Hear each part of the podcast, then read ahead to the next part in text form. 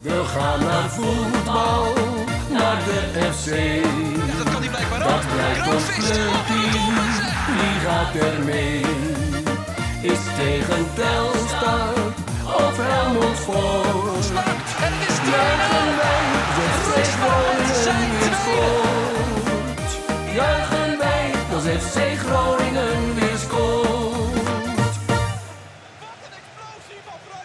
Kom van binnen de podcast, aflevering nummer 10 van seizoen 6. Mijn naam is Maarten Siepel en ik zit weer aan tafel met Thijs Faber Ja, mooi. en natuurlijk Wouter Holsappel. Hallo, jongens. Ja, we hebben natuurlijk eh, deze keer wederom nieuwe met Affers. Dat eh, zijn deze keer Martin Groenewold, Niels van der Marle, Jan Nomden, Gerco Evers, Ralf Krijgsheld, Sven Beeks en Bert-Jan Huizing. Bedankt voor het supporten van onze podcast. Wil je nou ook toegang krijgen tot extra content, zoals bijvoorbeeld Gehoord op de redactie, waarin wij eh, nou, een paar weken terug, twee weken terug spraken met eh, onder andere eh, natuurlijk Bas Kammerga, want die zit er altijd bij, en Ja. Peter van Dijken. En je hadden het uh, lekker over uitwedstrijden. Eh, ik heb nog niet geluisterd. Oh. Hij, staat nog, eh, hij staat nog op mijn lijst. Oh, Nou, dan, dan moet Maar ik gebeuren. weet zeker dat dat een, een, een knaller van een aflevering is geweest. Ja, en natuurlijk komt Wim binnenkort weer langs hier, hè, en dan, dan weet je het ja, wel. Ja, ja. dat kan nog wel eens een eh, pittige maand met masker gaan worden. Nou, ik zou het wel weten.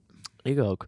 Eh, ja, Thijs, eh, aanstaande zaterdag en zondag gaan wij lopen. Niet Ja. zomaar, dat doen wij voor eh, de Stichting Raad ons weer eens samen juichen. De mensen is het ongetwijfeld nou, niet ontgaan, want we posten volgens mij vijf keer per dag een mediatour eh, gehad. Maar voor de mensen die het nog niet meegekregen hebben, inderdaad. We gaan de afstand van Groningen naar Leeuwarden, 56 kilometer, te voet afleggen. Het is jullie eh, gelukt om mij eh, zeg maar, minder zin in mijn reis naar Kenia te laten hebben. Want Ja. ik wil eigenlijk mee. Ja, Ja, jij baalt dat je niet mee kan. Ik en Thijs, misschien kun een iets vertellen over wat jij nu om je voeten hebt. Eh, ja, ik had vandaag af. ja, Kijk, als je wandels. Ik heb wandelschoenen gekocht hiervoor. Een lieve duit gekost trouwens, maar alles voor het goede doel natuurlijk.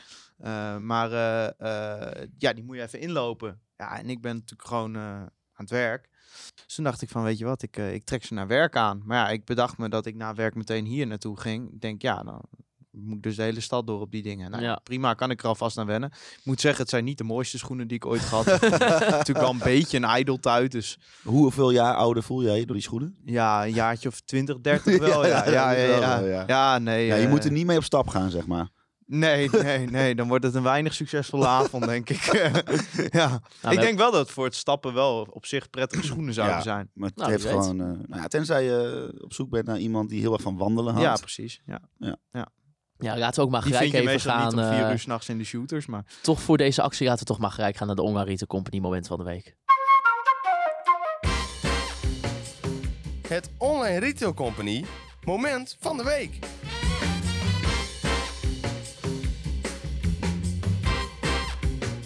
Ja, ons moment geweek gesponsord door de grote vrienden van de Ongar Retail Company. Eh, ja, Wouter, we hadden het erover. Wat moet nou het moment van de week worden? Ja. En dat is toch wel tot nu toe denk ik al de massage steun die Ja. we hebben gekregen voor deze actie. Ja, want we hebben nog helemaal niet uitgelegd dat we dit voor dus de Laat ons weer samen juichen stichting doen. Hè? Voor de mensen die het nog niet hadden meegekregen. Dat is een stichting die eh, supporters onder de armoedegrens van seizoenkaarten voorziet. Eh, mooi doel. Eh, en wij bestonden vijf jaar, hadden zin om weer eens wat ludieks te doen. Hè? Wat positiviteit. Ja. Eh, eh, ons platform voor, voor wat positiefs in te zetten. Dus hebben we deze actie opgetuigd. ja, en als je dan kijkt naar wat voor donaties er al zijn binnengekomen... Ja, dan, onder andere van onze sponsor, Nou de ja, Online Retail Company, zeker. hebben we even, hebben we even 5 mei erover gemaakt. Zo. Dat is helemaal niet gek. Gewoon, Eh, dus dat is nog eens een sponsor, zou ik willen zeggen. ja, en dat geldt. En als je dan ook nog 15 gespecialiseerde webshops Zo. hebt, dan, Ja, eh, dit gaat- dan ben je helemaal mijn vriend. Moet even oppassen dat het gesponsorde deel niet met Maar eh, door ik, elkaar loopt. ik kreeg gistermiddag ook ineens een appje van... hey, er, er was van een van de jongens van Noordtribune. Die Ja. zei van, hey, er staat straks bij de ingang... hebben we even een, een emmer neergezet met een bordje erbij. En dan kunnen mensen die bij ingang 1 naar binnen gaan ook nog... doneren. Dus dat is ook hartstikke tof. Ja, je ziet het ook bij Ja. mensen van, eh, van ook binnen de club. Hè. Dick Lukien, Jos Hooiveld, teammanager, hebben ook Wouter gedoneerd. Eh, Wouter Gudde. Ja. Eh, ook Daniel van Kaam, tegenwoordig aanvoerder van Cambuur. Ja. Tom van der Rooij. Nou ja, zo zijn er eigenlijk wel, wel meer. Iedereen ja, ondersteunt het actie. En dat is volgens mij prachtig om te zien. We zitten nu over, over de 3000 euro. Ja. Dus nou ja, hopelijk kunnen we in de komende dagen nog, nog wat geld erbij krijgen. het doel is natuurlijk 5600 voor elke kilometer eh, 100 euro. Daar moeten we nog wel wat voor halen. Dus luister je nu. Ja. Zie een kleine instructie. Als je nu luistert, pak je laptop, je telefoon. typ in www.gofundme. Wat is het? F. punt- Nee, of punt .com, punt slash com, F, slash slash conforminder. Maar de link staat ook in de show notes. Show notes, dat kan, ja. En ben jij nou een bedrijf, hè, dan dan- uiteraard als je daar een behoorlijke donatie doet, dan eh, zetten we jou als bedrijf ook in het zonnetje. Daar hoef je Zeker. geen sponsor voor te zijn. maar onze sponsor, de Online Retail Company, die eh, is momenteel de topdonateur. Ja. En Ja. ik daag alle bedrijven uit om eh, daar boven te komen. Ja, ik ben hartstikke Want goed. wie wil nou niet naar dit fantastische FC Groningen kijken? Nou, uiteindelijk iedereen nou, ja. ja. Ja, maar, eh, ik zeg net, wij proberen wat positiefs Oh ja, te doen. ja, ja, oh ja, ja, ja. Het negatieve gedeelte komt straks eh, nog. de- de- eh, omdat dat inderdaad, jongen, dit zijn mensen die dit gaan krijgen, die vinden dit gewoon geweldig. Maar Ja. Maarten, op de man af. Waar zie jij meer tegenop? ja jij, zei- jij hebt al in vijf interviews gezegd, meer de wedstrijd. gemaakt, maar 56 kilometer lopen of Cambuur FC Groningen? Nou ja, Twee joh. ploegen die er niet lekker in zitten. Nee, nee, nee, nee, nee, nee. Dat, eh, dat is een eh, understatement. Eh, ja, nee, ik heb, ik heb in beide heel erg, heel erg veel zin juist. Ja. Ik heb ook zin in de lopen. Ja, daar heb ik dus echt totaal geen zin Nee, in. ik merk, eh, ik merk iedereen die ik ook een beetje Nee. sprak eh, tot nu toe in de, nou, eh, na de wedstrijd eh, tegen Embo bijvoorbeeld in het stadion. Iedereen die zegt steeds, ja, ik heb een beetje het gevoel dat jij er wel zin in hebt en dat het lukt. En dat Thijs, die kijkt er ongelooflijk tegen Ja, op. ja, maar het is verschrikkelijk ver. Kijk, wij hebben die, die route proef gereden, hè, maar dat, in Zuidhoorn. Hè? Dat, als ik nu tegen jou zeg, loop naar Zuidhoorn, dan denk je, poeh. eh, Kan dat ook met de trein? nou, Ja, en dan, sterker nog, dat kan. ja, en dan ben je er nog niet, hè? Maar dan krijg je daarna Gaarkeuken, Elbersburen, Twijzel. Plekken waar ik nog nooit van had gehoord. een heel venijnig hoekje ook, waar je een soort van om moet lopen. hè? Ja, eh Noordburgum komen we doorheen. Ja. Hurdegriep, Tjitjerk, Leeuwarden. Dat is de route die we gaan lopen. Maar kijk, jullie gaan op zaterdag om 12 uur vertrekken van Ja, de Grote Ja, Markt. dus we hebben wel even de tijd. Dus hè, mensen, als je luistert en je wil ze uitzwaaien, dat kan dan. ja. dat is misschien wel leuk dat je dan, dat dan de, in de stroom. Thijs en Maarten dan op het, zeg maar, op het bordes van de Grote Markt beginnen. Dat ze dan eventjes zwaaien naar het... Nou, hallo, ik ga, jongen, ik moet 56 kilometer, ga ik toch geen trap op? In ieder geval, wat ik me dus afvraag, hè, dat zit hebben jullie een soort van planning gemaakt? Want ik zou denken, die nacht, daar wil je niet te veel stilzitten, want dan ga je dood. Dus zou die nacht... nou, niet je- letterlijk, maar dat is wel Ga je pittig, fysiek denk ik, ja. op? Eh, Ga, Ja. ga je dan, of gaan jullie in die nacht gewoon op een bankje zitten ergens om drie uur bij het Twijzel of zo? Onze tactiek is als volgt. Tenminste, als ik voor ons beiden mag spreken. nou. Wij gaan zaterdagmiddag zoveel mogelijk kilometers maken. Ja, S'avonds goed uitgebreid eten. uiteten? Dat weet ik niet. Ja, daar hebben we nog niet echt plan. Nee, ja. nee, het wordt waarschijnlijk een Ah, snackbar. Ja. Ik bedoel KVM. Nou, we hebben die, ja, maar we hebben die routeproef gereden. Het is, nou, het, is nou niet dat de ene andere Michelin-sterren restaurant elkaar opvolgt, zeg maar, langs die route. Daar gaan we even dus goed eten. Eh, en daarna, ja, dan, dan Heel klein kijken we even. heel klein. Nee, absoluut niet. Dat heb ik op alle wandelblogs voor 60-plussers gelezen. Dat moet je absoluut niet aan de alcohol. Maarten, jij wel toch? Ja, ja, Jij bent geen kleine speler. ja, ik, ik wil zo graag het. Dat wordt denk ik de grootste uitdaging voor mij. Geen bier drinken onderweg.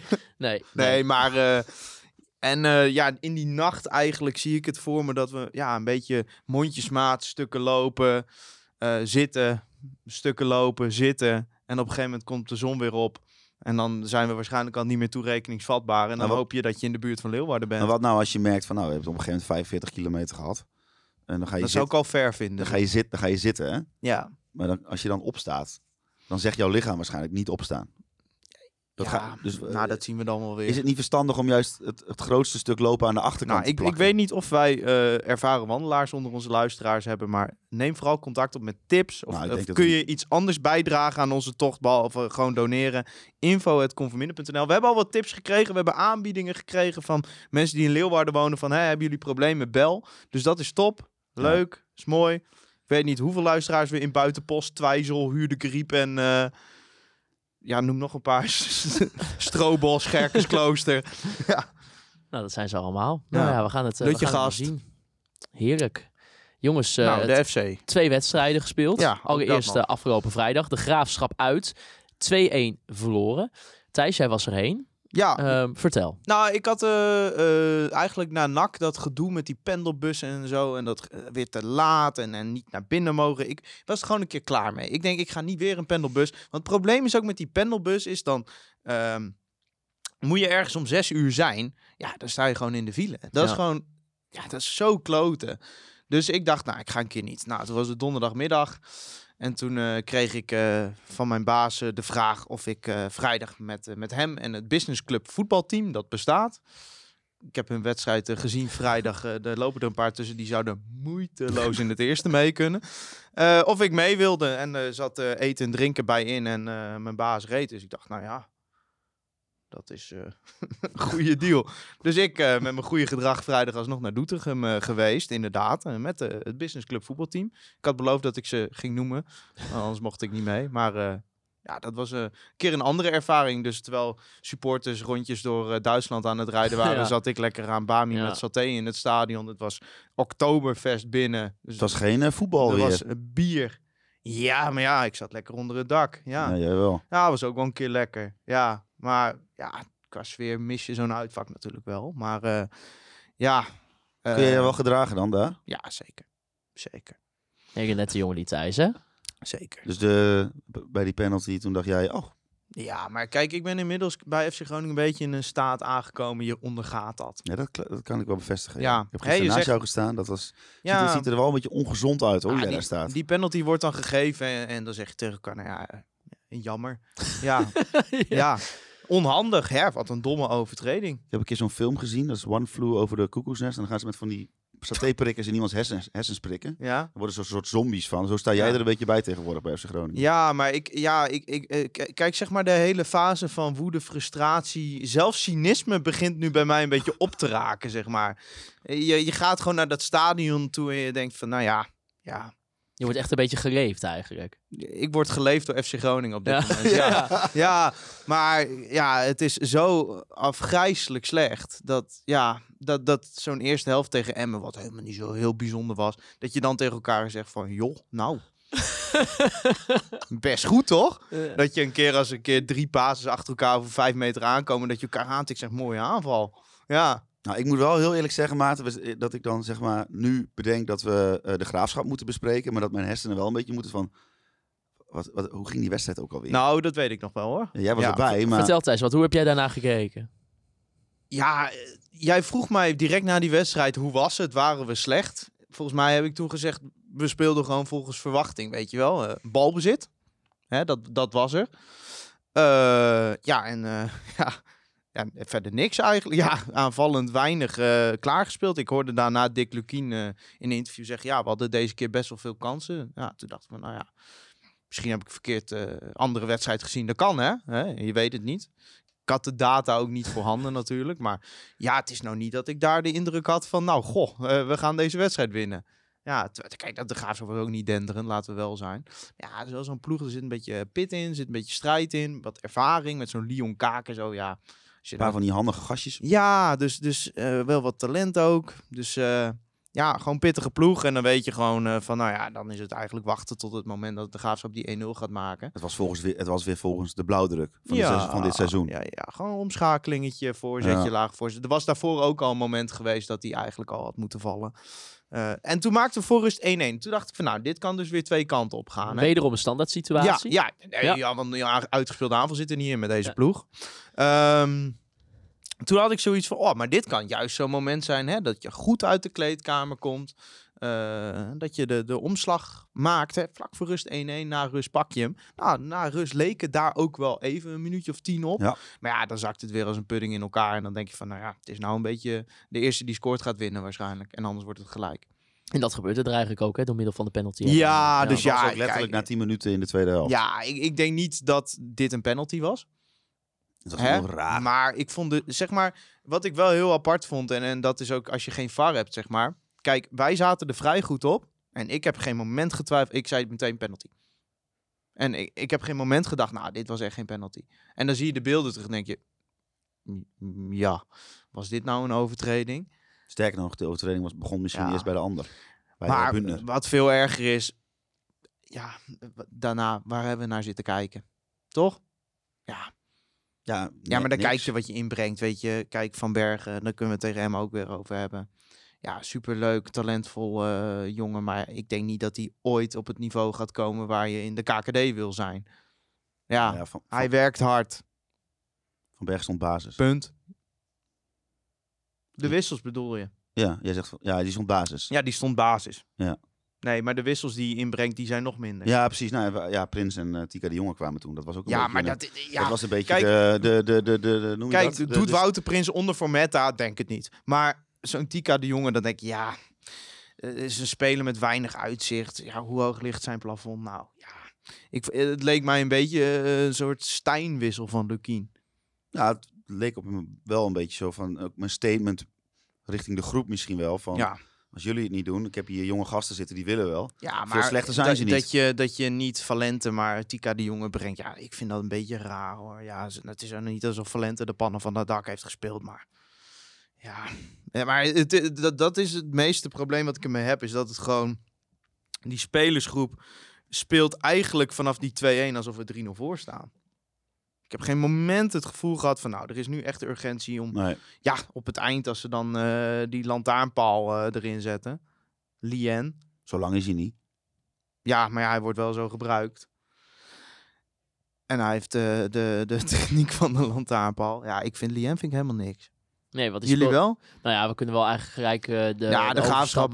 ja, ja, gewoon. naar, gewoon eh, naar ja, nou, we kunnen de graafschap wel samenvatten van. Er was gewoon een wedstrijd zoals alle andere bijna.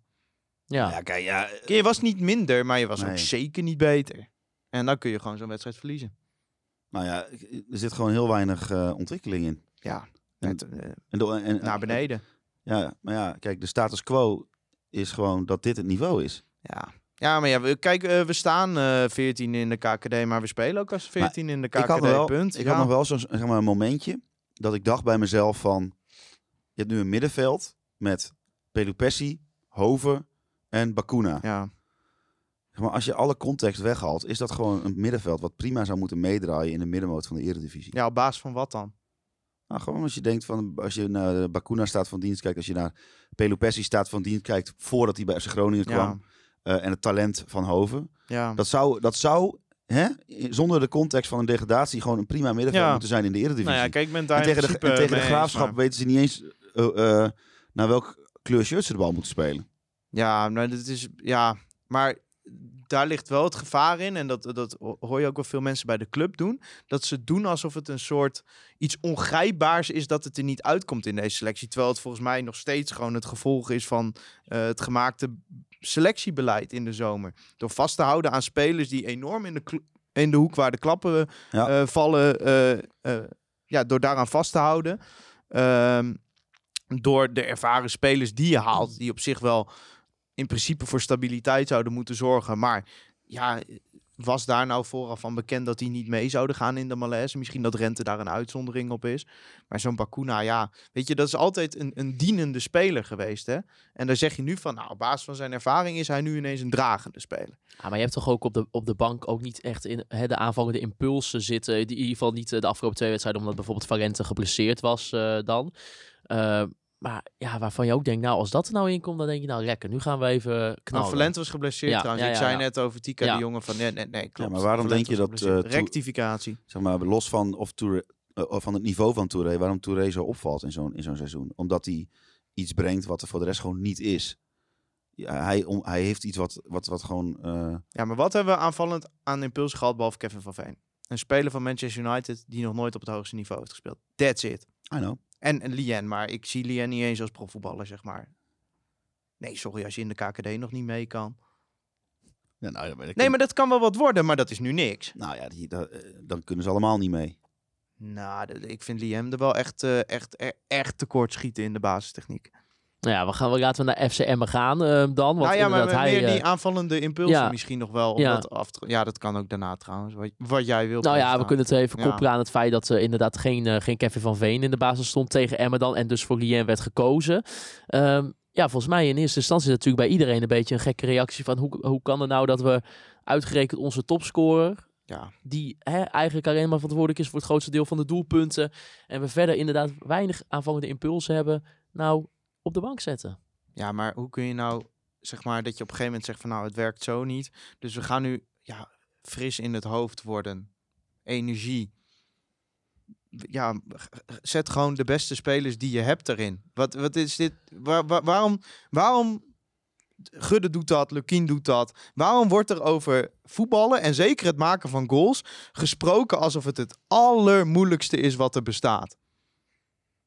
Terwijl er zijn clubs in deze competitie... Ja, vooraf, dat kan ook mijn arrogantie zijn. Zes, zeven spelers heb je nog nooit van gehoord. Na de wedstrijd zouden ze alle zes, zeven bij Groningen mee kunnen. Dus zo bijzonder is het toch allemaal niet. Ja, maar dit Je gaat hebt- veel dieper toch? Fors geïnvesteerd in die selectie. Hè? Zeker eh, met een KKD-portemonnee. En hoe kun je er dan na elf wedstrijden op uitkomen van... ja, we zetten de onder 21 er maar in, want misschien zijn die wat frisser. Dan moet je toch je ogen uit je kop schamen. Iedereen die voor het technisch beleid verantwoordelijk is... moet zich gewoon doodschamen. Ik, eh, sterker nog, dit mag toch... Waarom zouden deze mensen nu deze winter weer het geld mogen uitgeven? Waarom zou een Wes Beuvink, die zich al eh, elke keer als hoofdscouting met het aankoopbeleid bemoeit, al drie, vier transferperiodes ver onder de maat. Waarom Wouter Gudde, die het deze zomer de kans had om een tijd te keren? Waarom zou die er weer bij betrokken mogen worden? Als ik de RVC was, zou ik zeggen, ja dag, het is afgelopen. Jullie, jullie gaan er niet meer over. Ja, dat is natuurlijk wel een vraag die je kan stellen of het uitein- uiteindelijk hè, in het, in het eh, befaamde compositieoverleg niet beter zou zijn. Ehm, ja, dat, dat misschien ja, Wouter Gudde daar minder bij betrokken is. Eh, ja, het is nou- aan de andere kant, het is ook precies, is, dat is dus ook een lastig. Maar we hij kunnen is dat wel niet helemaal beoordelen. Hè? Je kunt zeggen van, eh, ja, Veldmaten is eigenlijk de, de verantwoordelijk op technisch beleid, maar ja, op het moment dat Gudde zichzelf bombardeert tot spokesman, kan die er ook qua verantwoordelijkheid op worden aangekeken. En Gudde is ook degene die aan het begin van de transfer window zei van ja, eh, hè, we gaan eh, vasthouden aan de kern van de selectie. Eh, we gaan niet meewerken aan verkopen waarschijnlijk. En we verwachten dat Dick hier meer uit kan halen. Hoezo hebben we überhaupt toegestaan vanuit een RVC dat dezelfde fout als bij Wormoed en bij Van der Rey weer werd gemaakt? Nou ja, dat kun je nog zeggen, dat is de achteraf de koe in de kont kijken. Maar waarom zou dan deze winter diezelfde groep mensen eh, weer mogen aankloten?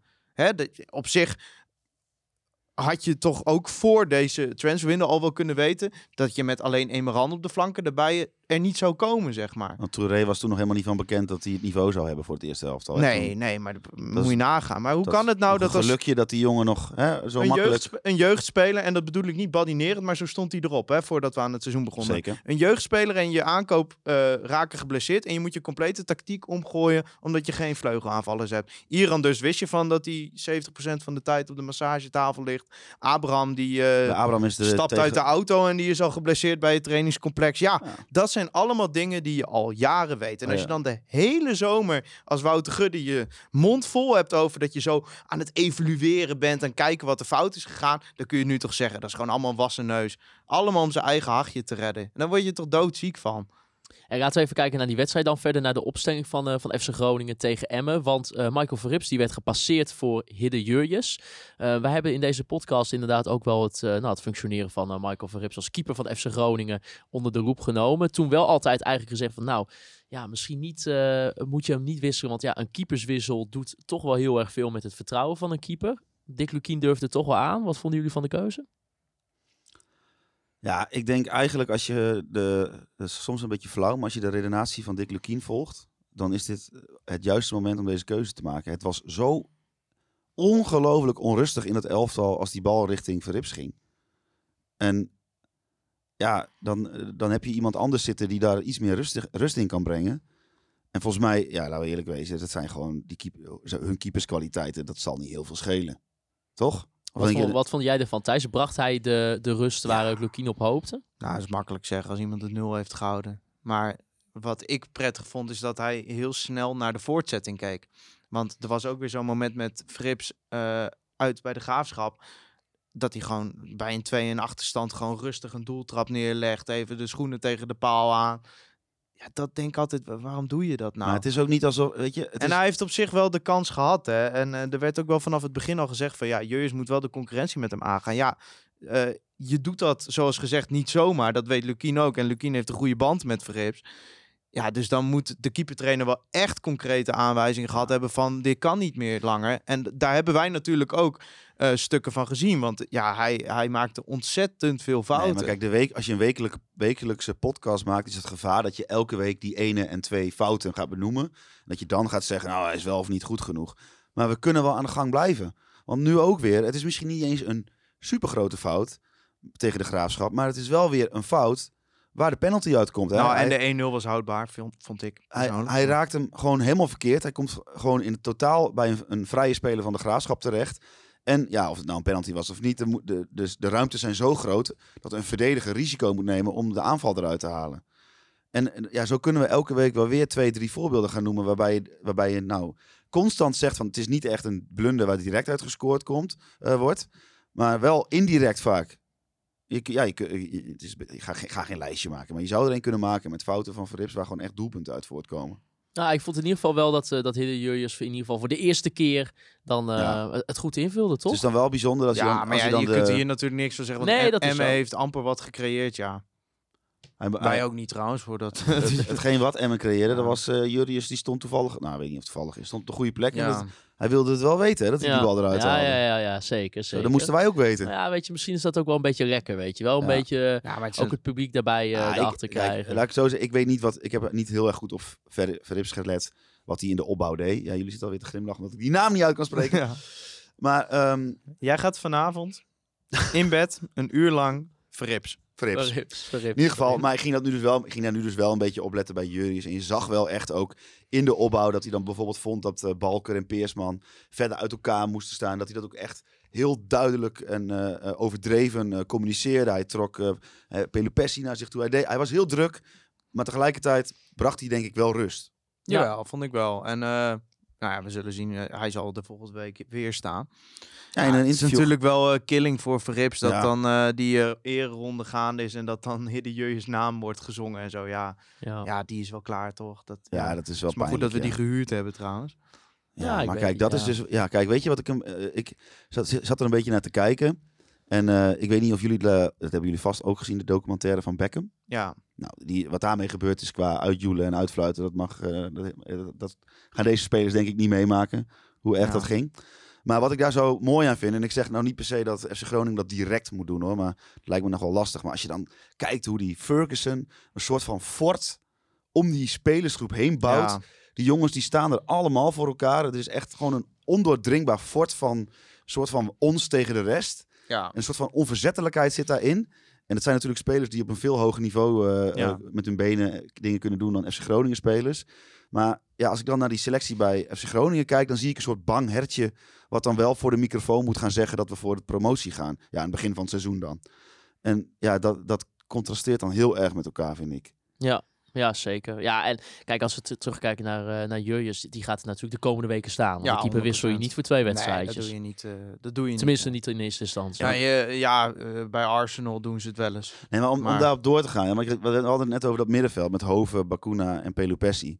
Ja, kijk, er gaat bij mij gewoon echt totaal niet in dat die zo slecht zijn als dat het nu lijkt. Dat geloof ik gewoon niet. Ja, maar ja, blijkbaar is het zo, Hols. Ja. Ja, maar dat, ik, daar, ja, Ja, maar nu, nu Ik vind- ja, ik maar er is dus ook dat een of ander onge- bovennatuurlijks wat dit... nou, boven Het is toch gewoon niet, een maar totaal gebrek aan kwaliteit, mentaliteit, eh, een, een selectie die totaal in disbalans is. Je, staat, je begint gisteren de wedstrijd met drie linksbacks in de basis en een centrale verdediger op rechtsback. Nou, is gewoon weer gevolg van verschrikkelijk selectiebeleid. Niet doorselecteren en dan zeggen van ja, we hebben nog wel een erfenis van vorig seizoen. Ja, heel gek als je de kern van de selectie behoudt. Nee, maar daar Het zijn het allemaal van die dingen. Ze halen nu argumenten naar boven die eigenlijk uit al die tientallen evaluaties die ze zogenaamd gedaan hebben, al lang naar voren hadden moeten komen. En dat is het probleem. Ze zijn weer te laat geweest. Nee, maar Veel kijk- te- nee, onderliggend is gewoon de arrogantie van de mensen die het beleid maken en dan ook Wouter Gudde. Het komt wel goed. Hè? De- jullie waren erbij op trainingskamp. Dat was de vibe die er hing. Het komt wel goed. In de KKD dan gaat eh, Iran dus wel eh 10, 15 eh, goals of assists geven.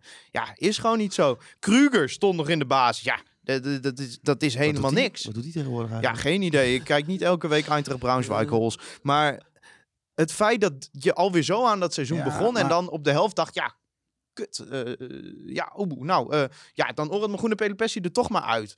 Ja, oh, Pelopessi gaat niet lukken. Ah, ja, ja, ja. Nee, maar ik ben het hier allemaal mee eens. Alleen, Oeh, Kruger verhuren we nog even aan Braunschweig. Ja, oh, hey, hey. 21-jarige speler van Manchester United. Hoppakee. Nou, bombardeer hem maar tot eh, de aankoop op de flanken. Ja, mag ik ook nog? ja, doe maar. Ik ben het hier ook allemaal wel mee eens. Maar wat ik zeg, er is nog wel iets extra's. En dat is gewoon wat ik, wat ik net probeer, nou ja, die vergelijking te trekken met die documentaire over Beckham, die je overigens moet kijken. Is een geweldige docu. Ja, sommige mensen vinden van niet. Maar dat, dan, dan lees je weer zo'n artikel. En dan, dan denk ik bij mezelf van, oké, wel, je wil nu dat deze groep naar ehm, een, winnende, een, winnend, een winnende cultuur wordt gebracht. Ja. hmm, zullen we eens in de krant gaan zeuren over hoeveel berichtjes ze krijgen als we verloren Ja, hebben? Kijk, dan zoiets. denk ik, nee, gewoon niet doen.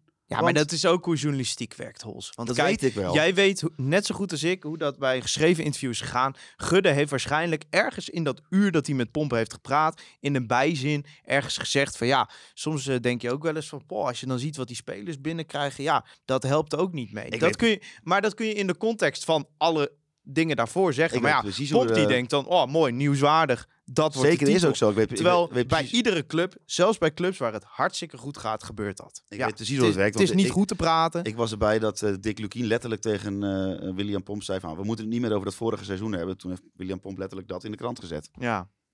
Dus ja, Ja. Dat, maar dat is niet per se... Ja, maar een bijzin kan een kop worden. Dus ik weet dat het, is- maar ja. het- ik, ik mis een beetje zeg maar zo'n van... eh, van Oké, we sluiten de rijen.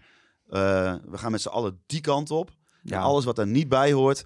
Dan, dan lijkt het soms maar wat eh, minder transparant en minder open. En Ja. minder, maar we gaan gewoon nu die kant op. Daar is de eredivisie. Fuck de rest, daar gaan we heen. Dat ja, mis ik maar een welke beetje. visie is er? Onverzettelijkheid. Er is geen visie. Nou ja, dat is dan misschien het probleem. Want eh, er is... Maar het is allemaal zo slap. Als ik tegenstander ben, jongen. Dat je, wat, wat denk je nou als, als de graafschap Groningen eh, krijgt? Denk je nou echt dat die lui bang zijn voor Groningen? nee, natuurlijk niet. die lachen zich dood. Weet je waarom ze zich doodlachen? Ah, daar komt het Groningen aan. Dat moet dit jaar promoveren. Ja. Anders hebben ze een probleem. Nou ja, weet je, als ze hier met 1-0 winnen. Ja, prima. 2-0 ook goed. 3-0 wordt misschien een beetje jammer. Maar ja, weet je, met die instelling kunnen al die gasten gewoon tegen FC Groningen gaan spelen. Ah. En wat denk je als, als ze op bezoek komen? Dan is het nog erger. Want Groningen moet toch wel winnen in het eigen stadion. Dat moet toch wel. En als je dan zo'n contrast hebt met wat moet en met wat kan. Want er kan gewoon heel weinig met, eh, op dit moment met deze selectie. Ja, voor tegenstanders is het gewoon... Ik denk echt dat er gewoon ge- al gefeest wordt in de bus naar Groningen toe. Nou, Groningen is geen moeilijke tegenstander. Nee, maar het, het verhaal speelt ook gewoon heel erg mee. Zo'n groot stadion, elke week uitverkocht. Iedereen verwacht van FC Groningen. Ja, maar hoe is het Twente week- dan wel gelukt? Ja, dat is een hele goede vraag. Nou, omdat die gewoon de selectie helemaal hebben afgebouwd en weer opnieuw zijn begonnen. Nou ja, kijk, dit, wat ik nu zeg is extra. Als jij gewoon goed voetbalt en je speelt je tegenstanders zoek, dan eh, hebben tegenstanders... Ja, maar die hadden een aantal spelers met kwaliteit. Eh, zo'n Aitor Cantalier-Pierre, daar hadden ze toen... Ja, zo'n speler loopt hier niet. Nee. En dan zie je Van Miegen bij ADO lopen. Dan denk ik, ja, wij halen Emeran, ADO haalt Van Miegen. Ja, dan vind ik het niet heel gek dat ADO beter functioneert. Maar Van Miegen, als die naar ADO kan, dan kan hij toch ook naar Groningen. Ja, ik denk van wel. Ja, ik, eh, weet Maar niet, ja, dat soort spelers hoort dan blijkbaar niet tot de mogelijkheden of zo. ik ben ja. slecht op de hoogte van scoutingslijstjes, moet ik eerlijk zeggen. Nou ja, het is, gewoon, eh, het- is gewoon het gevolg van het zelfgekozen beleid. En dan wordt er nu Ja, nee. gedaan alsof er een soort Zeker. bovennatuurlijke... Nee, Thijs, wat ik, wat ik uitleg is juist het gevolg daarvan. Nee, maar ik lees dat artikel met Gudde dan. En dan denk ik van, nou, dit is de man die de lijnen uitzet, hè, die divisie. En dan zegt hij, ja, de oplossing voor dit alles is dat als je eh, geen, niet je best doet, dan ga je eruit. Dan denk ik, ja, dat moet toch zeg maar standaard zijn. Dat, zeg maar, die basis, daar begin je mee en dan ga je een visie maken. Maar blijkbaar is dit de visie. Als je niet je best doet, ga je eruit. Hoe gaan we promoveren? Hoe gaan we aanvallen creëren? Nou ja, gewoon je best doen, joh. Ja. Nou, meer hoef je niet te doen. En sterker nog, je creëert ook nog eens een situatie waarbij als er dus iemand even een weekje er wat minder Ja. in zit, dat hij dan meteen eens kennelijk eruit Nee, moet. maar je, je kunt het narratiefje wel uittekenen hoor. Want het, over een maand wordt het natuurlijk in de winter gaan we voor ze investeren. Dat, want het, ja, het gaat, ook de komende maand gaat het niet werken natuurlijk, dit, met dit team. En dan wordt het van ja, maar in de winter dan gaan we voor ze investeren. Ja, en eh, ja, natuurlijk, er is nog wel wat. Het geld is bijna op, maar we gaan risico nemen.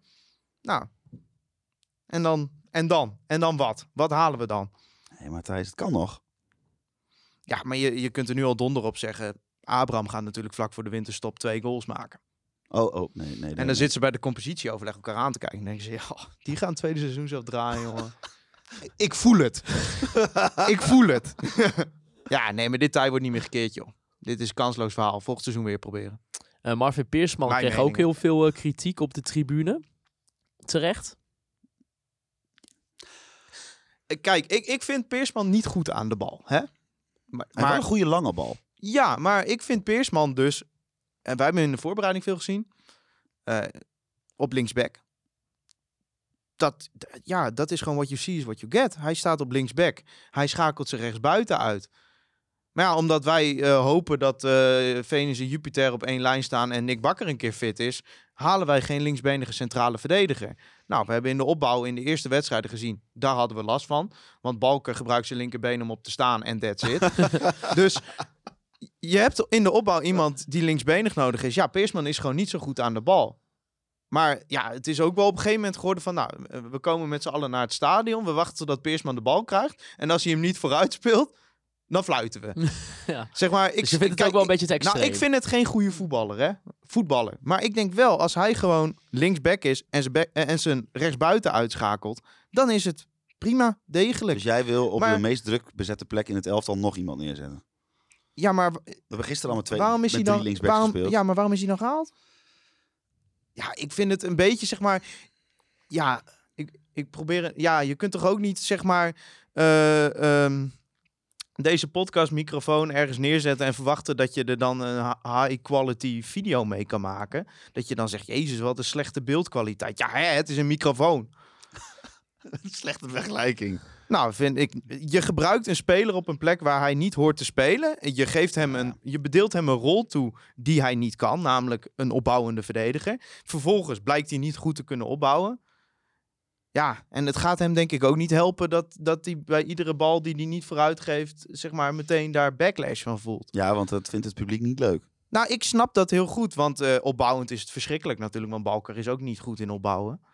En, eh, maar heel vaak geen aanspeelmogelijkheden vanuit Ja, maar het dat, middenveld. dat, dat is het toch ook. Het, Eh, het is toch niet alleen de schuld bijvoorbeeld van de Marvin Peersman dat hij die bal Nee. dan weer terugspeelt kijk, naar, eh, naar ik wil hem niet helemaal verdedigen of zo, maar ik vind, ik vind hem niet eh, de, het, het grootste probleem dat we hebben, zeg maar. Nee, nee. En wat, wat, wat vond je dan van het de basisdebuut van Wouter Prins, die natuurlijk al tegen de Graafschap zijn debuut mocht maken binnen het eerste elftal. Iemand die door Dick Lukien al meerdere keren benoemd is Ja. van, nou, dat is een hartstikke leuke talent.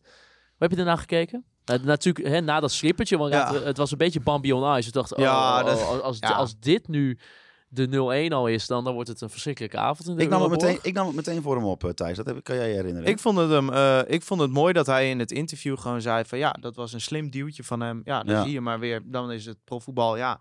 maar we hebben, we Ja, maar kijk, eh, Wouter Prins is gewoon eh, eh, zo'n verhaal eh, wat, waarom het misschien wel lekker is dat je in de KKD speelt. Kijk, deze jongen heeft in principe alles in zich om een hele goede linksback te worden.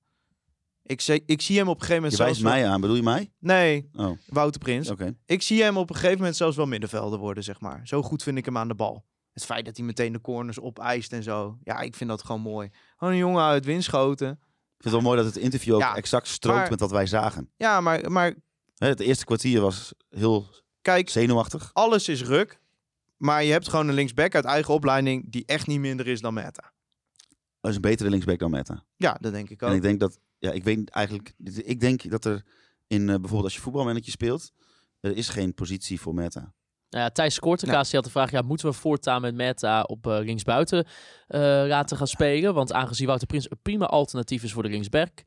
eh, Volgens, ja, volgens mij moet je een nieuwe positie voor hem creëren. Dat heet ergens. Ja, En eh, het is, eh, alle- ergens is dan de nieuwe positie. Het is niet linksback, want dat was meteen zodra Prins eruit ging en hij weer linksback ging, kreeg ik, eh, ja. eh, kreeg ik angst in mijn broek, zeg maar. Ja.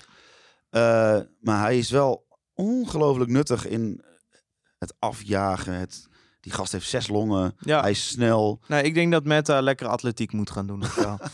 Ja. ja, maar dit kan toch niet? Nou, het is gewoon de Renje Rot show, maar dat, dat, Ja, maar dit ziet er toch niet uit? het ziet er niet echt heel Kijk, uit. het is functioneel misschien, Het is maar... nog ja. Maar op het moment dat je hem in plaats van zeg maar een echte linker middenvelder, want het is al niet alsof we uitpuilen van creativiteit, zeg maar.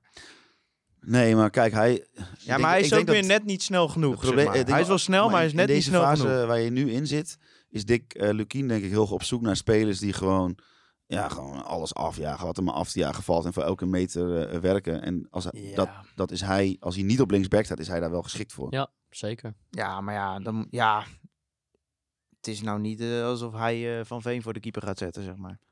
Nee, dat denk ik ook niet, nee. Over Kevin van Veen gesproken. eh, Oh ja, ja. meerdere Oh ja, de, luisteraars, Niels, Harold, eh Hogeveen en David bijvoorbeeld, eh, ja, die waren wel een beetje benieuwd wat wij vonden van de reactie van Kevin van Veen na afloop van de wedstrijd. Eh, verdeelde meningen erover. Ja, wat, eh, hoe kijken jullie daarnaar? Nou ja, Kevin van Veen is iemand die eh, geen filter heeft. Zeg maar, als je, die heeft gewoon gedachten in zijn hoofd. En bij veel mensen die praten, gaat er dan, komt er dan een soort proces op gang dat je gaat eh, selecteren welke gedachten je uit gaat spreken en in welke volgorde. En hij zegt gewoon letterlijk elke prikkel die hij eh, krijgt, zegt hij in willekeurige volgorde in een microfoon. Ja. En dat ziet er heel ontwapenend en eerlijk en open uit. En tegelijkertijd denk ik van, nou, ik zou hem wel iets meer eh, kalmte en rust willen gunnen, in zijn interviews. Want het komt zo meteen zo. Hè, dan heeft hij net ook weer een tweetje geplaatst over eh, eh, dat hij alles voor de club doet. Ik, ik, ik, het doet mij een beetje denken aan de tijd dat ik nog op, als 16, 15, 14-jarige jongen op MSN zat. en dan met van die, ja, van, oh, hè, met wat labiele types aan het MSN'en was. En dat je soms denkt van, hé, maar wat wil je nou? en ja, het, het is allemaal wel een beetje dat ik denk van... Ja. Het is dat je denkt van, nou, Ja, het, kijk. is, het, is, het heeft iets moois, maar het, ik denk ook wel... Je heden en je ik denk alleen, ik denk alleen dat als nee. Richard van Elzakker hem, hem sp- aanspreekt en zegt van... Nou, Kevin, dat moet je niet doen. Dat Kevin zegt van... spreken wel hetzelfde accent trouwens. Ja. Dat helpt wel, Richard van ik denk Elzakker. dat Kevin eh, van Veen dan zegt van... Nou, volgens mij kan ik dat zelf wel eh, Ja. bepalen. Ja, ja. eh, ik, eh, ik heb dat interview een paar keer. eh, ik denk, ik, ik, ik, moet hier, ik moet hier het fijne van weten. Ja? Wat ik denk wat er gebeurd is, ook een beetje hoe we inmiddels Kevin hebben leren kennen. Kevin, die denkt dan in zijn hoofd gewoon, "Boah, toen ik in Schotland was, wel- kreeg ik meer waardering. Ah, dat was eigenlijk ook wel leuk daar. En dat zegt hij dan gewoon. Ja. Niet wetende dat dat uit de context zeg je gewoon, ja, ik zat op de bank, dus ik wil weg. Ja. Ja, nou, ik word hier niet gewaardeerd. En dat, ja. en dat geloof ik dus Maar dat niet. gaat, nee, dat bedoelt hij denk, denk ik niet als ik voor hem mag spreken. Maar dat komt er natuurlijk wel zo uit. Dus dan kun je heel boos worden dat mensen dat interpreteren. Ja. Maar dat is gewoon letterlijk wat je zegt, hè? Ja. Dus hij moet gewoon eh, ja, daarmee moet- oppassen. Hij, Ja, ja. hij moet in principe Aan de andere kijk, ik zou het jammer vinden, want het is wel echt een goud eerlijke gozer natuurlijk. Dat hebben we rondom Ah, dat incident. gozer. Maar ik denk wel van, jongen, ga nou gewoon lekker goals maken. Het gaat, eh, of, of goals maken. Goals. Maar het, Goals. het- goals. Maar het gaat iedere week weer over iets anders over Kevin van Veen. Maar niet over de mooie goal die hij gemaakt Nou ja, heeft. zeg kijk, ik dacht wel af en toe met Prins en Meta op links van...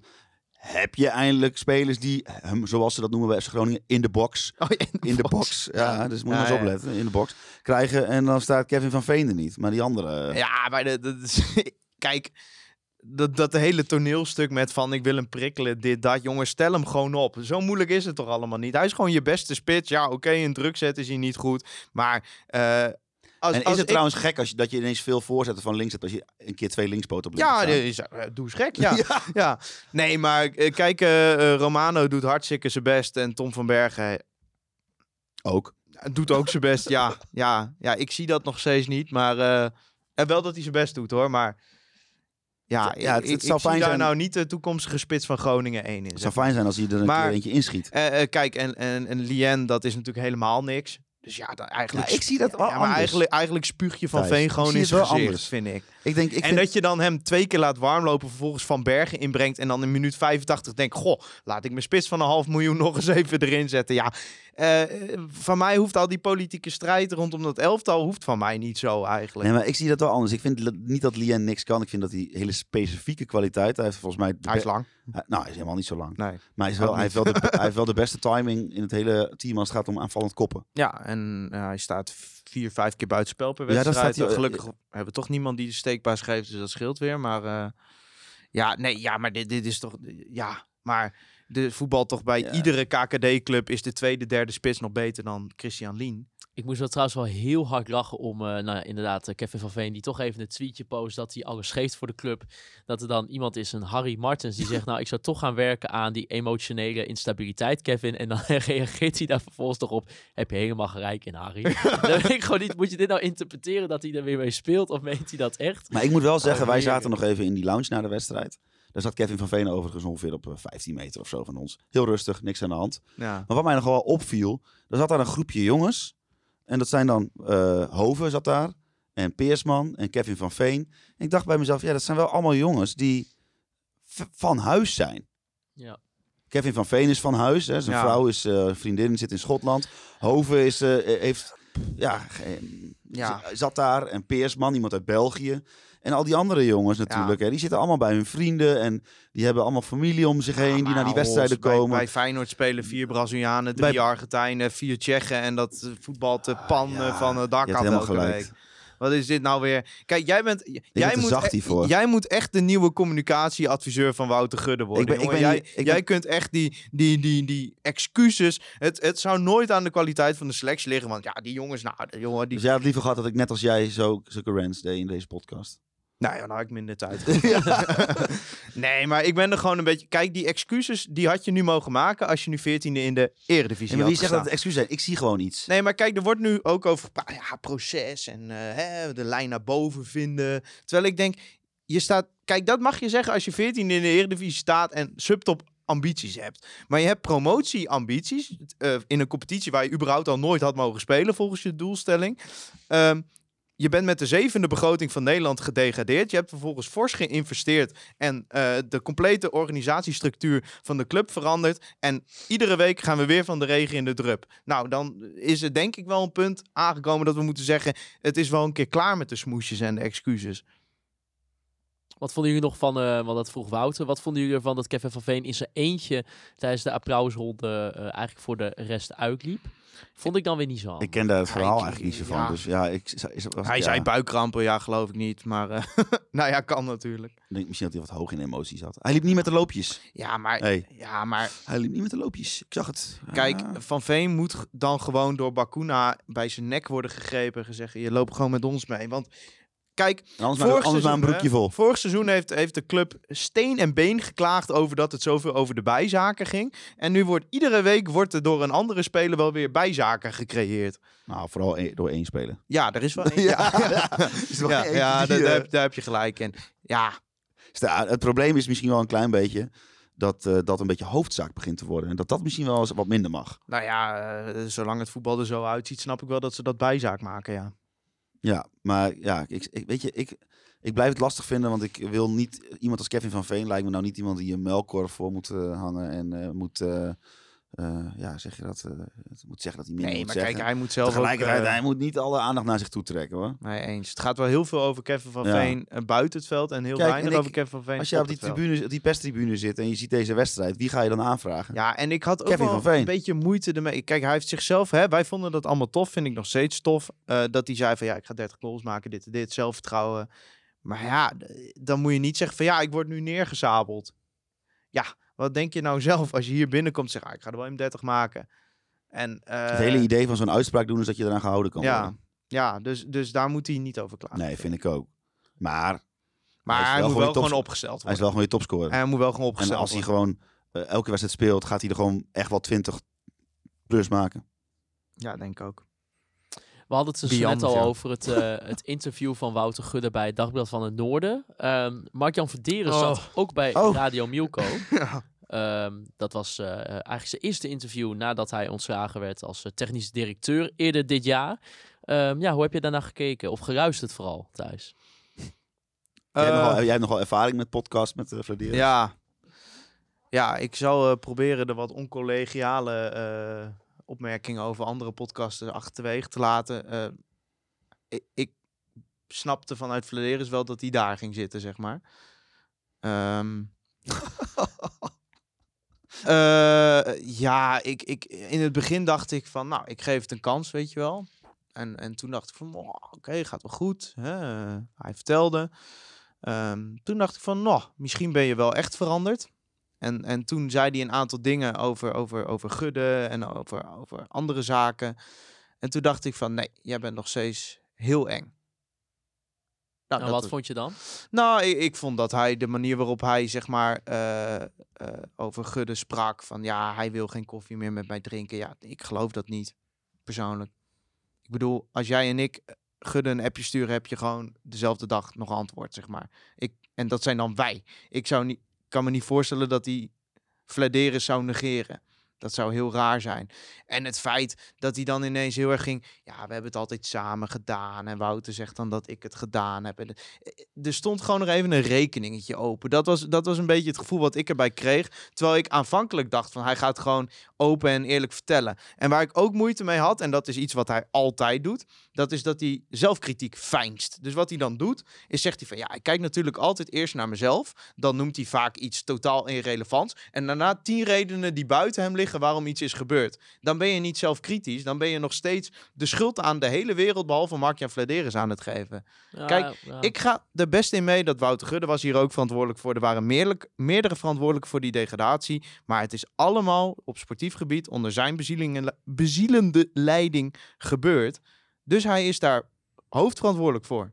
Nou, ik vond het niet in zijn geheel eh, heel erg. Ja, maar hij, jij, eh, jij gelooft dat hij een ander mens is geworden. Ik geloof dat niet. Nou, nee, ik, maar ik bevoor, ik, da- daar heb ik het ook niet over. Wat ik, wat ik in die zin interessant vond, was wel soms het verhaal van zijn kant te horen. Ik vond het ook wel interessant om, om, hè, de dingen die hij bijvoorbeeld zei, dat als hij ooit nog in zo'n functie zou komen, dat hij daarbij eh, ook een coach zou nemen. Dat Ja. hij ook wel heel Ehm, veelzeggend. ja, en ook o- over dat proces van het, eh, nou, het, het haren van een, van een nieuwe trainer. Ehm, en, en ik vond vooral ook dat, ehm, dat de dynamiek tussen, tussen Gudde en Flederis zichtbaar werd. Ehm, waarin ik niet eh, vind dat, eh, dat Gudde eh, compleet vrij uitgaat. En dat ik ook wel eens. dingen, dingen van Flederis dat ik dacht van nou ja, ik vind dat helemaal niet zo gek wat je daar zegt, Mark-Jan. Dus ja, ik vond het, ik, en ik vond wel, er had nog wel iets meer ingezoomd mogen worden. Bijvoorbeeld op hè, die, die, la- die laatste blik aan spelers die er kwam over iets meer het eigen functioneren natuurlijk van Flederis. Maar ik vond het in die zin, ik vond het, ja, het legde wel vooral heel erg bloot hoe, hoe dat tussen die beide heren verliep eigenlijk in dat laatste jaar. Maar hoe, Ik Wouter, vind hoe dat hij weinig verantwoordelijkheid nam. Nou, kijk, ik, ehm, eh, ik heb hier al vaker discussies met Thijs over gehad. eh, waar ik, ik, ik gewoon heel erg zie iemand die op een plek is gezet met een portefeuille die hem te groot en te veel Ja. was. En waarin, kijk, en niet, en niet als, niet, niet, hij is te weinig ondersteund, laat ik het zo zeggen, maar niet als, eh, dat, moet hij, dat is niet een excuus of zo, maar dat is gewoon een, een constatering van buitenaf. En ik zit me dan af te vragen, hij, hij zei van ja, op een gegeven moment werd het, werd het een sneeuwbal die steeds groter werd en die, eh, we probeerden van alles om die te stoppen. Maar uiteindelijk eh, heb je een systeem als organisatie met eh, een directie die gecontroleerd wordt door een RVC. Die RVC die moet in de gaten houden de mensen die aan het roer staan van dit bedrijf, laten we FC Groningen nou gewoon eens even een bedrijf noemen, wat zo is. Functioneren die nog naar behoren? En ik vind het gewoon echt, echt heel bizar als je, als je gewoon heel rustig naar die podcast luistert, dat je dus eigenlijk gewoon hoort dat iemand die totaal de weg kwijt is, die totaal niet weet wat hij aan het doen is. En dat is eigenlijk zelf ook zegt, want hij had een coach nodig. Hij zegt eigenlijk gewoon letterlijk van, ik had iemand nodig die eh beoordelend met mij meekeek, Ja. die kritisch was op mij. Op ook hoe hij bijvoorbeeld hè, inderdaad dan- met mensen omging, eh, waar het Weet ook je, ik ben niet bij die RVC-vergadering, maar ik vraag me oprecht af, wat hebben die mensen zitten Ja, doen maar dan? de- ik vind de rol van een RVC, dat wordt zo ongelooflijk overschat. Die mensen die komen vier keer per jaar bij elkaar. Ja, en die hebben letterlijk één verantwoordelijkheid, zorgen dat die Ja. dat bedrijf een beetje loopt. Nee, die hebben dat helemaal niet. En als het niet- als verantwoordelijkheid. er- die hebben als verantwoordelijkheid het controleren van de directie op basis van de targets die gezet zijn op basis van het beleidsplan. Het zijn, is niet dat die mensen elke dag op de werkvloer Nee. komen. Die kunnen dus Maar totaal niet beoordelen hoe het op die werkvloer gaat. Nee, Wat een maar- veel groter probleem is, is dat de controlestructuur niet in werking was om Mark Jan te controleren. Omdat hij van Wouter Gudde het alleenrecht had gekregen op de sportieve eh, kant. En alle signalen die hij kreeg, Danny Buis, Adrie Poldervaart, eh, Edwin Bolt, Paul Matthijs, die zijn allemaal genegeerd. Dat is een veel groter probleem Dat is ook een groot probleem. dan die RVC. Want nee, het wijzen naar de RVC, dat is zoiets... Ja, Nee, ben ik het gewoon niet mee eens. Omdat het, het is een totaal systeem. Je hebt met elkaar heb je een totaal systeem van dit bedrijf moet een bepaalde kant op. En de degradatie is daarbij, eh, nou ja, fataal is een groot woord, maar dit moet niet lang doorgaan. nee. Dit is een, dit is, nee, dit komt de continuïteit van de club. dit- dit- en, en ook dat is Exact. verantwoordelijkheid van en de natuurlijk ben ik het met je eens dat die mensen niet elke dag op de club rondlopen. Sterker nog, die zullen één keer in het kwartaal samenkomen. Maar als jij eh, niet ziet wat al die mensen die jij net noemde, wij, andere podcast, media, andere supporters, dat er een bepaalde lijn in wordt gezet die FC Groningen naar de rand van de afgrond duwt, dan, heb je zo, dan, is, dan klopt het systeem niet. Het gaat mij niet Nee, om, daar ben ik het ook wel het mee gaat mij niet om dat ik de, nu de persoonlijk de RVC-leden aanspreek op hun falen. Het gaat om eh, dat er een heel, heel vaag systeem niet klopte. Waarbij het kon dat een man die gewoon zijn, zijn functie was te groot voor zijn. Hij had een te grote jas aan. Hij kon dat allemaal niet aan. En Nou, hij, als, ik hem, als ik hem wil praten, dan hoor ik niet, geen, geen slechte intenties. Ik hoor gewoon iemand die gewoon niet door had dat hij domme keuzes aan het maken was. Nou ja, daar ben ik het mee eens. Maar daar had hij bijgestuurd moeten worden vanuit een directie En- of, een, of een ander En ik soort me, maar- orgaan binnen de club. Maar het, iedere vorm van kritiek was gewoon je kop eraf hè, in En die tijd. dan zeg jij, je hebt het over dat compositieoverleg, dat diezelfde mensen eh, nog steeds eh, de spelers halen. Maar diezelfde mensen die FC Groningen dat wippetje eh, richting de afgrond hebben geduwd. Of die, die, ik zie daar niet. Ik heb niks gehoord dat daar nu iets anders wordt gedaan. Nee, maar kijk, zo'n RVC is natuurlijk een heel, heel ongrijpbaar orgaan. Hè? Je, je weet wie het zijn, maar je weet niet de inhoud van zo'n vergadering. Dus uiteindelijk, kijk, een RVC heeft het mandaat om bijvoorbeeld eh, een transfers tegen te houden, dat soort dingen. Ja, want Maar een, een investering in van een een- bepaald bedrag. Dat In een we, eh, normale organisatie is een RVC een controleorgaan. Maar als de indicatoren van de dingen die gecontroleerd moeten worden, als dat al niet klopt, dan moet je veel lager in de organisatie kijken. En dan moet je weer concluderen dat dat in de directie al is misgegaan. Ja. Kijk, ik denk dat Gudde, als hij het overnieuw had moeten doen, sowieso nooit een technisch directeur had gewild. Die had gewild iemand die onder hem stond. En dat denk ik dat dat ook een gezonde structuur is. Ehm, Ja, maar ja, al met al, ik heb wel, ehm, ik vind nog steeds, zeg maar, Ja, maar Gudde controleerde Mark-Jan Vladeris niet. Dat is meer het Mark-Jan. Vladeris is degene die beslissingen heeft, geno- heeft genomen die tot eh, degradatie zijn geleid. Daarom zal altijd zijn gezicht, denk ik, het gro- grootst plak, eh, kleven aan die degradatie. Maar ik vind ook wel, ik heb ook wel een beetje medelijden, gewoon in de zin van, er zat ook maar iemand die wat, ja, die, die gewoon zelf niet door had dat hij dat die, dat die het niet eh, gemaakt was om Ah. deze grote portefeuille aan te En kunnen. over dat spandoekje, wat vond je daarvan? Wat hij daarover zei? Ja, kijk, eh, weet ik niet zo goed. Ik vind, eh, ja, ik, ja, ik- ja, ik vind het moeilijk om, ja, als hij, als hij dat zo ervaart, dan, dan, dan is dat zo. Nou, ik snap dat dat voor hem heel vervelend was. Ja, ik Hè? snap ook wel, ik vind ook wel. En ik het- wil ook... Hè, eh, het, het Ik is zag, dus ik zag er trouwens dit weekend eentje, er werd gewoon iemand aan, aan een strop aan een gaan. gal gaan. Ja, het ik- kan ik- altijd erger. mijn mening over dat doek blijft dat dat volledig geoorloofd was. Ik snap dat dat voor hem, zeg maar, en, en hè, het is waarschijnlijk krijgen zij, wat wij niet eens weten, enorm veel shit over hun heen. Hè? Zeker. Zij is Vladeris en Gudde. DM'tjes staan open. En dat is natuurlijk nooit eh, op Nee. enige wijze goed te praten. Maar ik vind dat je als fanatieke aanhang na zo'n deceptie zo'n statement mag maken. En wat staat er nou echt? Ja, je bent niet meer welkom. Ja, ik vind dat een volledig logisch statement. Ik snap dat dat voor hem moeilijk aankwam. Nou, En dat vind ik ook dat hij dat mag zeggen. Maar wat ik... Persona Eh. non grata kun je wel iets anders interpreteren natuurlijk. Nou, je bent niet meer welkom, ja.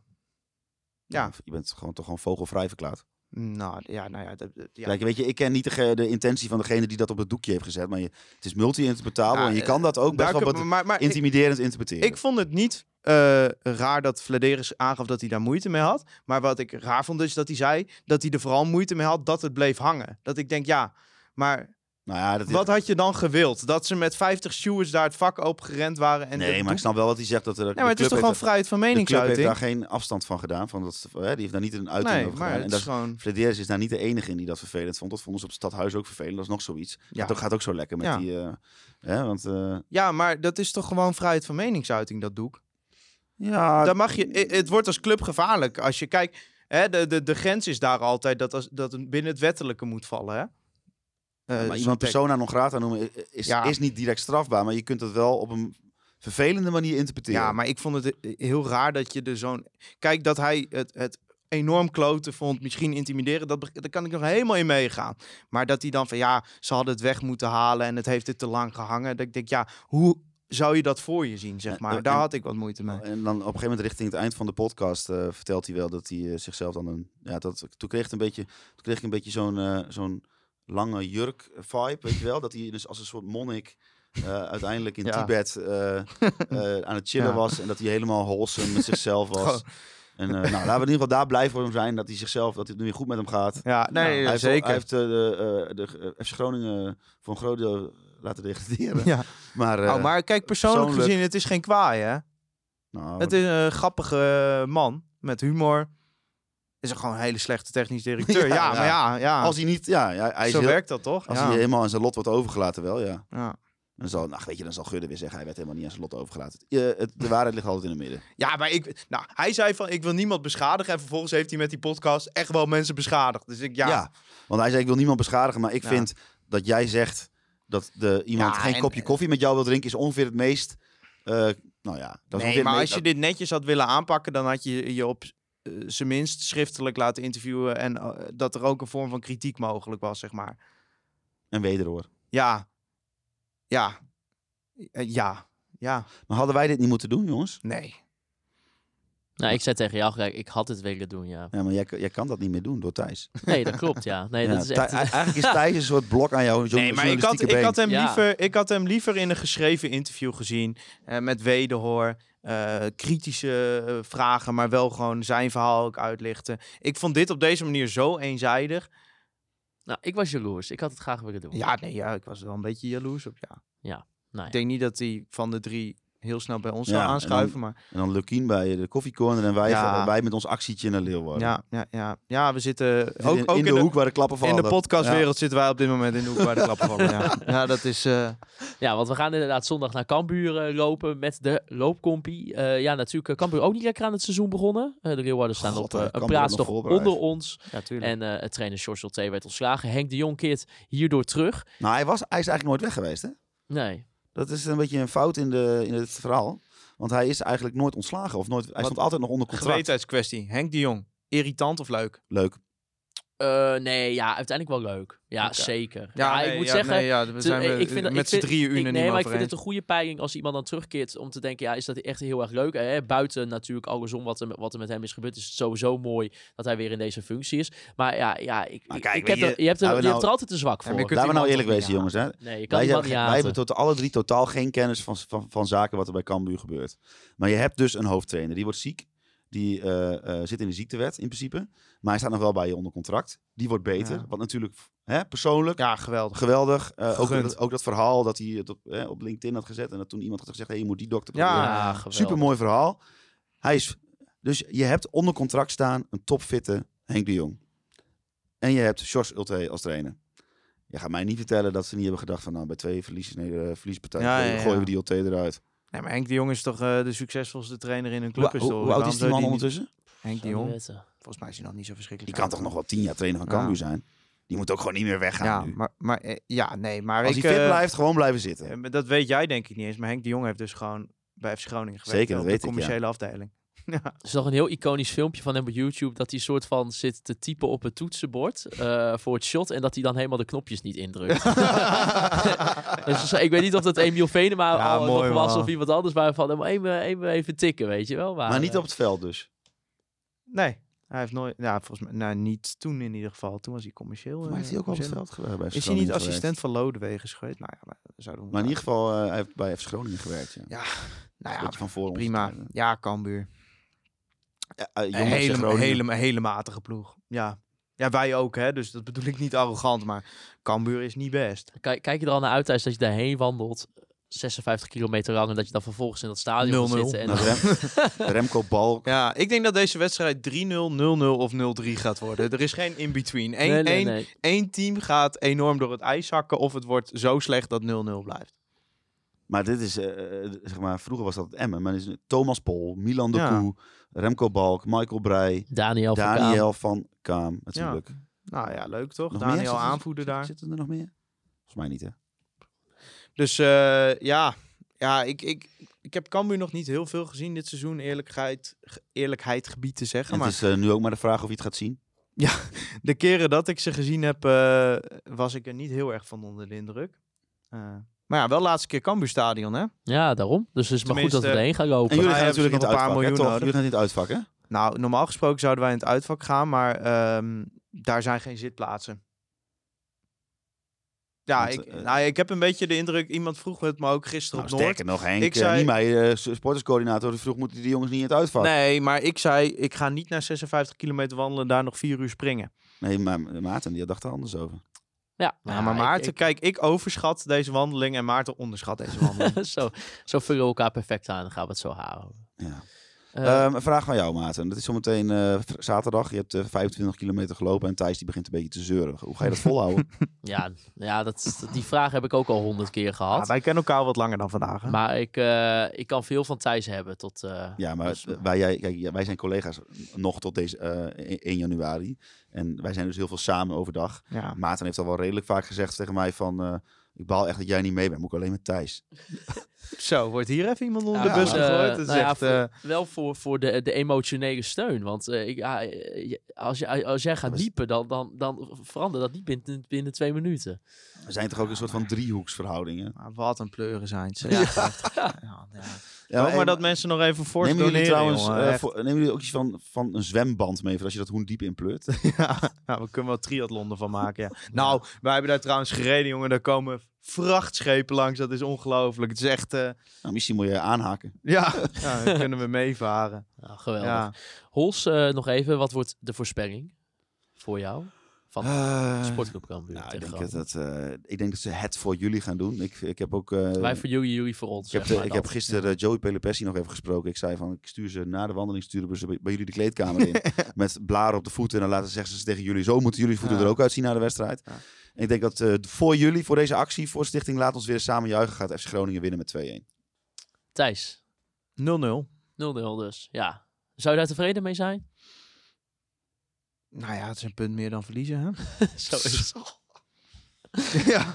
Oh, oh, oh. Ik ga zelf voor Ja, maar in de winterstop kunnen we allemaal aankopen doen en zo, jongen. Dat, Het, eh, eh, het gaat me toch niet gebeuren dat ik dat hele takken eind naar Leeuwarden loop en dat we dan met 3-0 op de broek krijgen. ja, reken er maar niet op, Grappie. Nee. eh. en hoe kunnen mensen ons, de, jullie reisje volgen? Nou ja, we gaan Ah, sowieso via de media. socials. Ja, ik zit te denken eh, of je het... eh, Ja, ik vind wel, elke uur moet er wel een update Ja, komen. ja, ja, ja, ja, ja, ja, we gaan, nee, maar we gaan geen eh, live tracker en zo. Nee, en bijzon- bijzonderheden zoals de eerste bla van Thijs. En zo. Dat, moet je wel, dat moet wel allemaal gedocumenteerd Nou, worden. ik heb dus vandaag gehoord dat je dus blijkbaar preventief blarenpleister moet plakken op de plekken waar je denkt dat je blaren kan Nou, dat krijgen. zei eh, eh, onze leidinggevende analist, die Ja. vond, zei dat. dat, je dat Ja. en, en geen B-garnituur Oké, kopen. maar kan ik niet gewoon mijn hele voeten vol plakken? maar ik heb dus nog nooit een blaar gehad. Nee, ja, nou Jij ja, wel? Ja, ook nee. Ja, Nee. Niet, eh, niet vaak. Maar ik, ik zit nu Ja, weer sorry, met... ik zit jullie echt aan. Ik zit nu heb weer met die- nooit een blaar Nee, gehad. en ik heb best wel gewoon een keer op een dag 20 kilometer, 25 kilometer gewandeld of zo. Maar nog nooit een blaar gehad. En dat was gewoon op Adidasjes. Jij gaat ongelooflijk blaren krijgen. Ik hoop dat wij volgende week nog met elkaar zitten aan de podcast thuis. Ja. Of dat wij eh, half gast, hè, aan de met Wij, gast. wij nemen liggend op volgende week. Want Ja. ik zit dan in eh, eh, Limuru, ben ik dan? ja, jij gaat daar 56 Dat kilometer is even wandelen, heb ik Kenia voor de mensen. Hè? ja, dat, dat is in Kenia, ja. ja, ja. En eh, eh, is er nog een plek waar mensen nog kunnen doneren voor onze actie? Of, Ja, dat is www.gofundme.com slash f slash conforminder. En eh, de link staat ook in de show notes. Ja, natuurlijk. En via al onze social media kanalen. Jullie kunnen Conforminder de podcast volgen via Spotify, Apple Podcasts of je favoriete andere streamingplatform. Volg ons ook op alle social media platformen. Facebook, Instagram, Twitter, TikTok. Vind ons overal. Eh, ik wil natuurlijk Jan Westman bedanken. Wederom voor de foto's die wij elke week mogen gebruiken. Toepay en de Online Retail Company. Jan Westman, ja, hij was er waarschijnlijk, waarschijnlijk wel, maar ik heb, even niet, ik heb hem even niet gezien. Ach, jawel joh man. Hé, je ziet toch altijd die, die, die lens van hem. Beetje blijven opletten. Oh, we hoor. moeten even... het Hoezo tempo- belt Adrie Poldervaart ons? ik weet niet, dan ga ik even, even afhaken. Eh, wacht even, blijf even aan. hey Adrie. Grote Thijs, wel gelegen? Ad- ja, ja, nou kijk. Wij, wij zijn aan het opnemen. Oh, nou dan bel ik, er al, bel ik vanavond. Ik wou alleen even zeggen dat ik... eh, vanavond maak ik een filmpje. Vind ik al Danny net aan de telefoon. Ik zeg, joh, en toen hadden we het over Groningen Cambuur. Ik zeg, eh, ik zeg, ik zeg, we moeten nog wat opnemen. Ja, wat moet ik doen dan? Ik zeg, nou, ik, zeg, ik stuur het wel door. en dan eh, moet ik het maar even doen. Dus, ik, dus er komen twee, eh, als het goed is, twee filmpjes jullie kant op. Ah, top. Ah, geweldig, Hoe is het jongen. verder, Adrie? Ja, even zielig als altijd. Je bent live, hè, in de uitzending. Nee joh, gek. Ja. Ja, ja, ja, ja, Hoe ja. is het met jou? Ja, hey, ga goed joh. Ga goed joh. Ga goed joh. Lekker getraind? We gaan gewoon... Eh, ja, ja, we hebben prima getraind. Ja, ja, ja, ja. Lekker droog was het, dus dat scheelde. Maar ik zie dat jullie hebben nu vier keer op rij verloren of zo. Ga je dat record van zeven proberen te verbreken? Dat ga ik... Ja, dat is, ligt wel in de lijn der... eh, Nee, nee, nee, nee, nee, nee, nee, nee. Niet op, ophouden met sneren uitdelen, ja? Ja. Doe, doe ik ook niet. Doe, doe, je eigen... Doe je eigen ongenoegen maar op een andere manier. Ja. dat hebben we Hey, net een uur gedaan, Hey, Adrie. Adrie, denk je dat Thijs en Maarten het gaan redden, 56 kilometer? Leuk. Dus, eh Oh, wij horen nee, niet. goed. Adrie, denk je, denk je dat ze het gaan redden, 56 kilometer? Die jongens, ja, tuurlijk. Kijk. Als je wilskracht hebben, hè, is niet Fijn. zo'n probleem, toch? Kijk, onze huisfysiotherapeut, die, eh, die heeft er vertrouwen in. Alleen, er is wel een probleem, jongens. In Groningen heb ik gehoord. Oh, wat dan? Ja, voor mij is die kapper dood van Wout, of hoe is het? Of, eh, ja, Wouter heeft lang haar. oh, die heeft een pruik. Nou, het is... eh, Ik ben, ik ben geen Richard Keer, maar eh, dat word ik ook niet vrolijk van hoor. ja, nou. Wouter, een mooi moment om... eh, mooi moment om af te sluiten, denk ik. Oké, nou ja, heel goed jongens. Ik wens jullie het beste. Ik wens jullie bij deze al veel succes. En ik eh, maak even een filmpje voor je, Wouter en, eh, en Maarten. Kom in, of uh, Thijs en Maarten, kom in orde. Ja. nou super. Zien we het wel verschijnen, Adrie. Oké jongen. Hey, fijne avond, hè. Hoi hoi. Hoi. Hoi. Nou, dan gaan, we, hem- gaan we hem nu maar echt afsluiten. Nou, ja. Dit was niet voorbereid. Nee, Ja, dit was niet voorbereid. Nee. Is een soort van... eh, eh, dit hebben we heel vaak meegemaakt. Maar het is nu in één keer heel onverwachts. Ja, ja, mooi man. Nou, prima. Nou, ook even tussen de groeten namens eh, naar Adrie voor jullie allemaal. Danny, wat moet ik maken dan? Nou. Even voor de duidelijkheid. Hebben ze dus gevraagd om een filmpje te sturen. Maar Ja. dat- ja mooi. Komt er dus aan. Fijn om Komt er dus aan, dan weten jullie dat ook. Ik wil natuurlijk uh, en de Online Retail Company bedanken voor het sponsoren van onze podcast. Natuurlijk ook onze petje.affers die ons steunen. Wil je nou ook toegang krijgen tot extra content? Ga dan naar conforminder.nl. En ik wil jullie, de luisteraars, bedanken voor het luisteren naar Conforminder, de podcast. Juichen wij als FC Groningen weer scoort.